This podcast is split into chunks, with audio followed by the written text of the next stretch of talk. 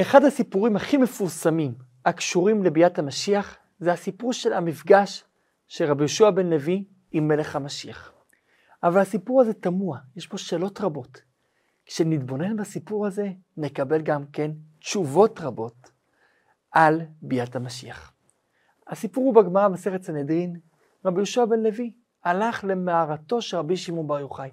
יש דעה שזו המרה שבה הוא הסתתר, יש דעה שזו המרה שבה הוא טמון, מה שנקרא יום ציון הרשב"י במירון.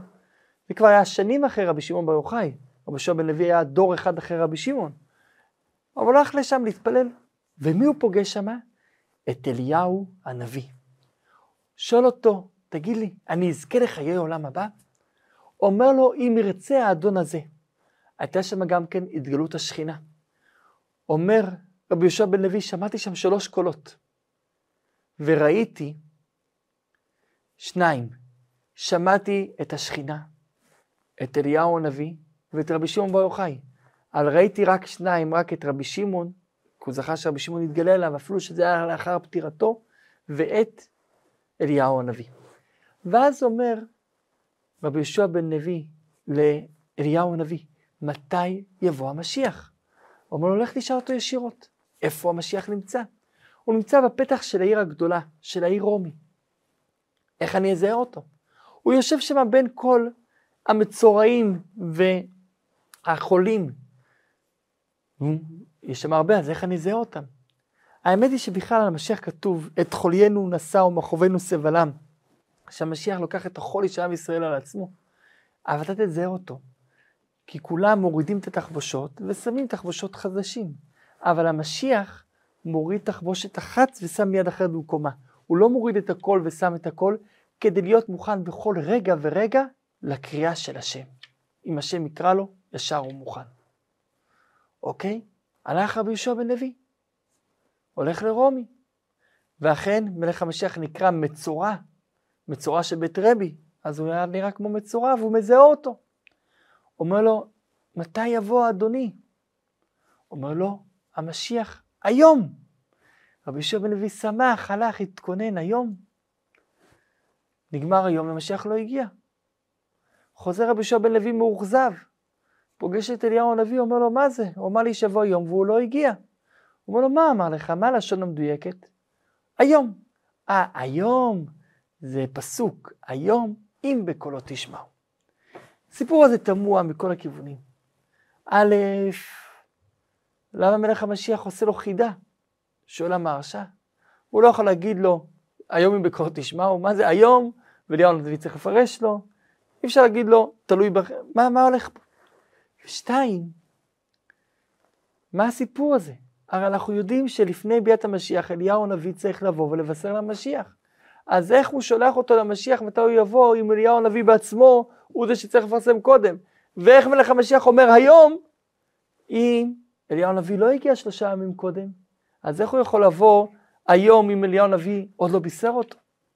וגם מה הסיפור הזה של התחבושות שהוא מוריד אותם להיות מוכן בכל רגע? מה הולך כאן? כדי להבין את זה, בואו נבין מה כתוב בגמרא במסכת סנהדרין. יש סוגיה שלמה על ביאת המשיח ועל מלך המשיח.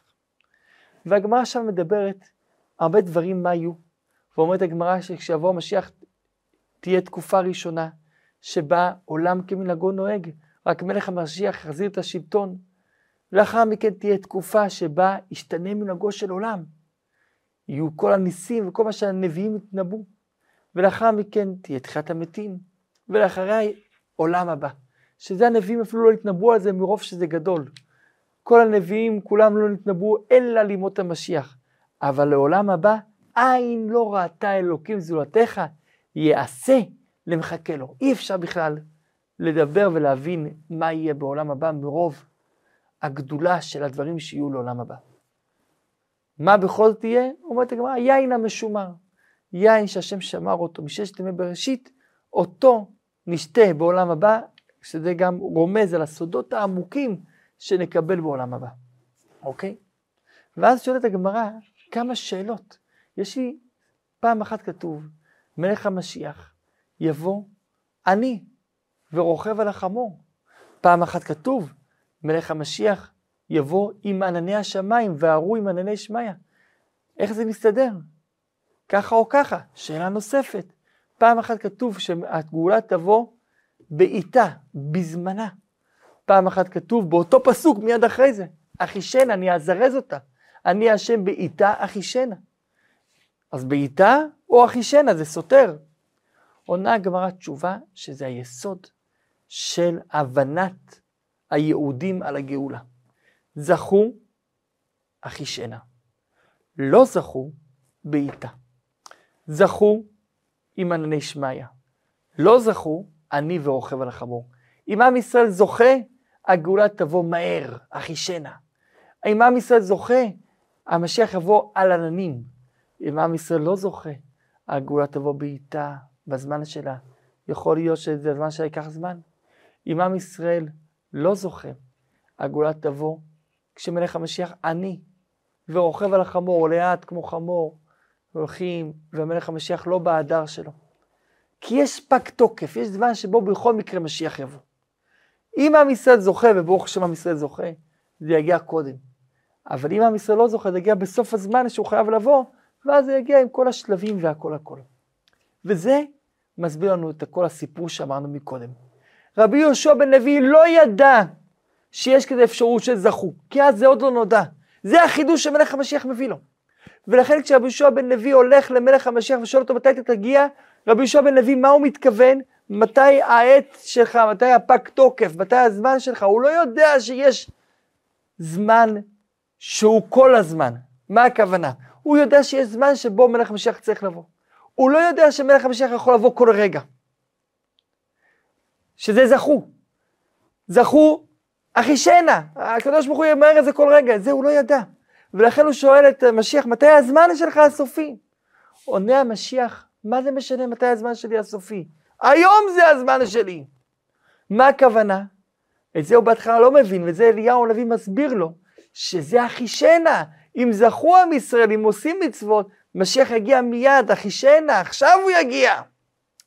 ולכן, מה למשיח עושה? מוריד את ה... ומיד שם להיות מוכן כל רגע לקריאה, כי זכו אחישנה, ברע זה יקרה. ולכן, בלא זכו, אליהו הנביא צריך לבוא שלושה ימים קודם, לבשר ולפרסם, להודיע ולהכין את העם. בזכו, אליהו הנביא מגיע יחד עם מלך המשיח יד ביד. לא צריך את כל ההכנות קודם. זה ההבדל בין זכו לבין לא זכו.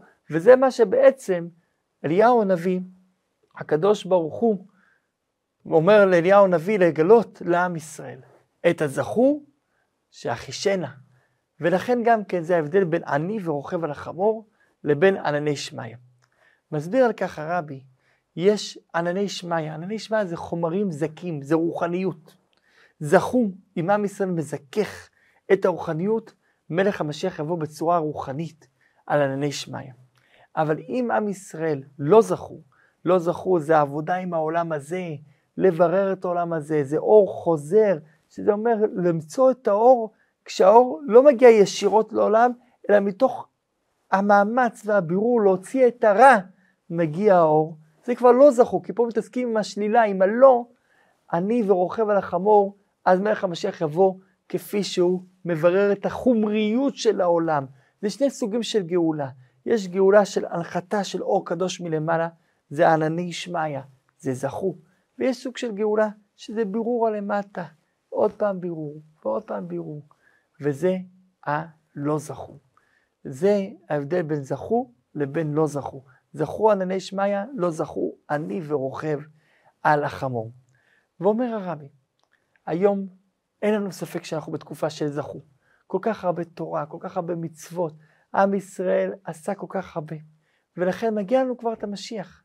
ובעזרת השם עוד פעולה קטנה, עוד מעשה קטן, ונזכה כבר שמשיח יבוא. ואל תגיד זה תלוי בשני, תגיד זה תלוי בי. כל אחד יגיד, כמו שאומר הרמב"ם, יראה אדם את עצמו ואת העולם כולו, שקול. עשה מעשה אחד, טוב, הכריע אותו ואת העולם כולו לקו זכות וגרם לו ולהם תשועה והצלה. ולכן אנחנו יודעים את הסוד הזה של הזכו. אז אנחנו לא מחכים לזמן של המשיח עוד 200 שנה, עוד 100 שנה, עוד 50 שנה, ואפילו לא עוד יום. חס וחלילה. אנחנו מחכים למשיח כל רגע, כי אנחנו בזכו. לישועתך קיווינו כל היום, אנחנו נוסיף מעשים טובים, נעשה כל אשר ביכולתנו, עוד מצווה, עוד אהבת ישראל, עוד מחילה, וכך אנחנו זוכים שמשיח יבוא היום. כי יש שני זמנים למשיח, זה מה שמשיח עונה לרבי יהושע בן לוי, יש את הזמן הסופי, בסדר, אנחנו לא מחכים לו, אנחנו לא מצפים לזמן הזה, אנחנו רוצים את הזמן היום. וזה מסביר גם כן הרבה דברים. לפעמים אנחנו רואים כל מיני נבואות קשות על הגאולה. עד כדי כך שהגמרא מביאה כמה וכמה מאורעים שאמרו, כמו רבי יוחנן ועוד, שהגאולה תבוא, אבל הלוואי שאנחנו לא נהיה שם. כי אנחנו רואים דברים קשים מאוד שיקרו בעקבתא דמשיחא לפני הגאולה. מצד שני, אביי אומר, העיקר שתבוא ואני מוכן להיות אפילו בצל של הצואה, של הגללים, של החמור של המשיח, העיקר שתבוא. והגמרא מביאה באמת, יש לנו את הסיפור של משיח בן יוסף, שיהרג במלחמות, סיפורים קשים שיהיו לפני הגאולה, במלחמת גוג ומגוג, וכן הלאה וכן הלאה. מצד שני אנחנו יודעים שיש לנו את הגאולה, המשיח בן דוד מגיע והכל מיד, והכל... זה תלוי בזכו ולא זכו. אם זה זכו, הגאולה תגיע מיד בטוב. ישר המלך המשיח, בלי המלחמות, בלי גוג ומגוג, ישר בטוב וישר כמו שצריך. אם לא זכו, אז יהיה פה סדר שלם שגוג ומגוג, משיח בן יוסף, ארמילוס הרשע, בלאגן שלם עד שבסוף משיח יגיע. וגם כן אפשר לסדר את זה על פי עוד דברים. יש מחלוקת ידועה, האם בית המקדש ירד מן השמיים, או שהוא ייבנה על ידי האדם למטה. אז בפשטות זה מחלוקת, אבל אפשר להגיד פשוט מאוד, זכו או לא זכו. הרב מביא ארבע תשובות על זה, אחת מהתשובות, זכו או לא זכו. אם זכו, בית המקדש יהיה רוחני, ירד מן השמיים. לא זכו, ייבנה על ידי האדם. זה סוד הגאולה. אנחנו נמצאים עכשיו בתקופה של זכו. אנחנו מחכים למשיח היום, כל רגע ורגע. יהי רצון שיבוא מלך המשיח עוד היום, במהרה בימינו, אמן.